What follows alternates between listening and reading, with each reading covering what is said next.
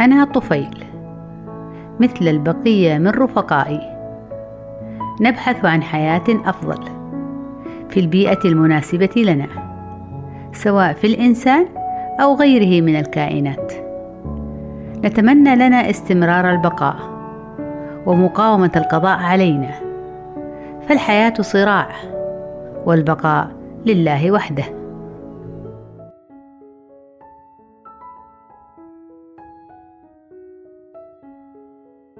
عشت اياما جميلة في غليظة الإنسان. ذلك الذي التهم طعامه وكان مكشوفا. ولم ينتبه هو لذلك أو لعله كان ناسيا. فقط متذكرا ومتاثرا بأحاسيس الجوع المحرقة. عشت في ذلك التجويف حيث المكان الآمن الذي به كل ما لذ وطاب. قانعا بكل ما أملك من مقومات الحياة. راضيا بما حباني الله به من نعم كثيرة حتى كان يوم وتوغلت داخل أنسجة تلك الأمعاء. عندها أدركت مدى البؤس الذي كنت أعيش فيه.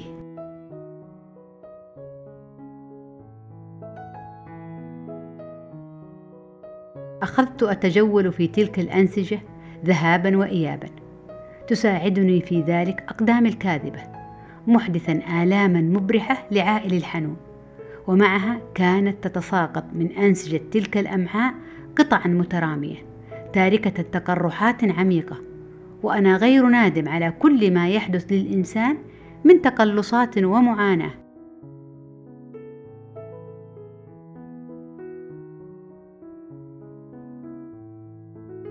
لقد أمعنت له الأذى والتنكيل والهتك والتدمير.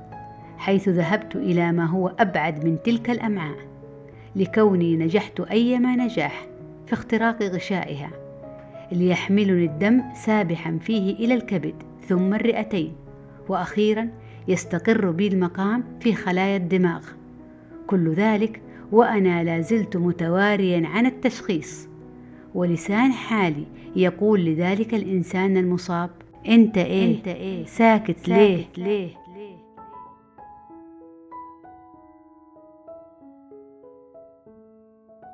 قد يحالفني الحظ في حياتي تلك ساعات وأيام شهور وسنين أعمل فيها بصمت لأحقق ما أريد ولكن قد ينتهي وجودي في دقائق ويتوقف لي كل نشاط في ثواني عند اكتشاف أكياسي المميزة في عينة براز لعينة فحصها متخصص ماهر عالما بخطورتها عندها لا مفر لي من الفرار. من أولئك الأطباء المحترفون في إيذائي لأجد نفسي مطرودا في العراء.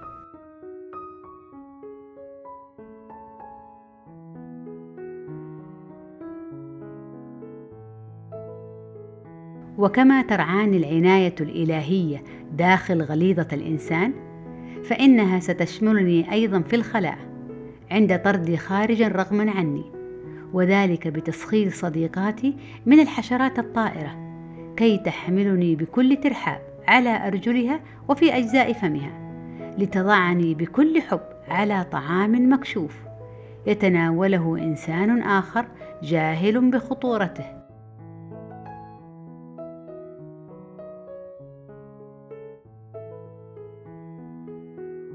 عندها فقط سوف تهنأ لي الحياة. ويبتسم لي القدر مرة أخرى حيث أنني سأنجح لا محالة في تحقيق ما أصبو إليه وسأبذل قصارى جهدي في تمكين وجودي ثانية. فلا شيء يقف في طريقي الآن كي أتوغل في غليظة أخرى.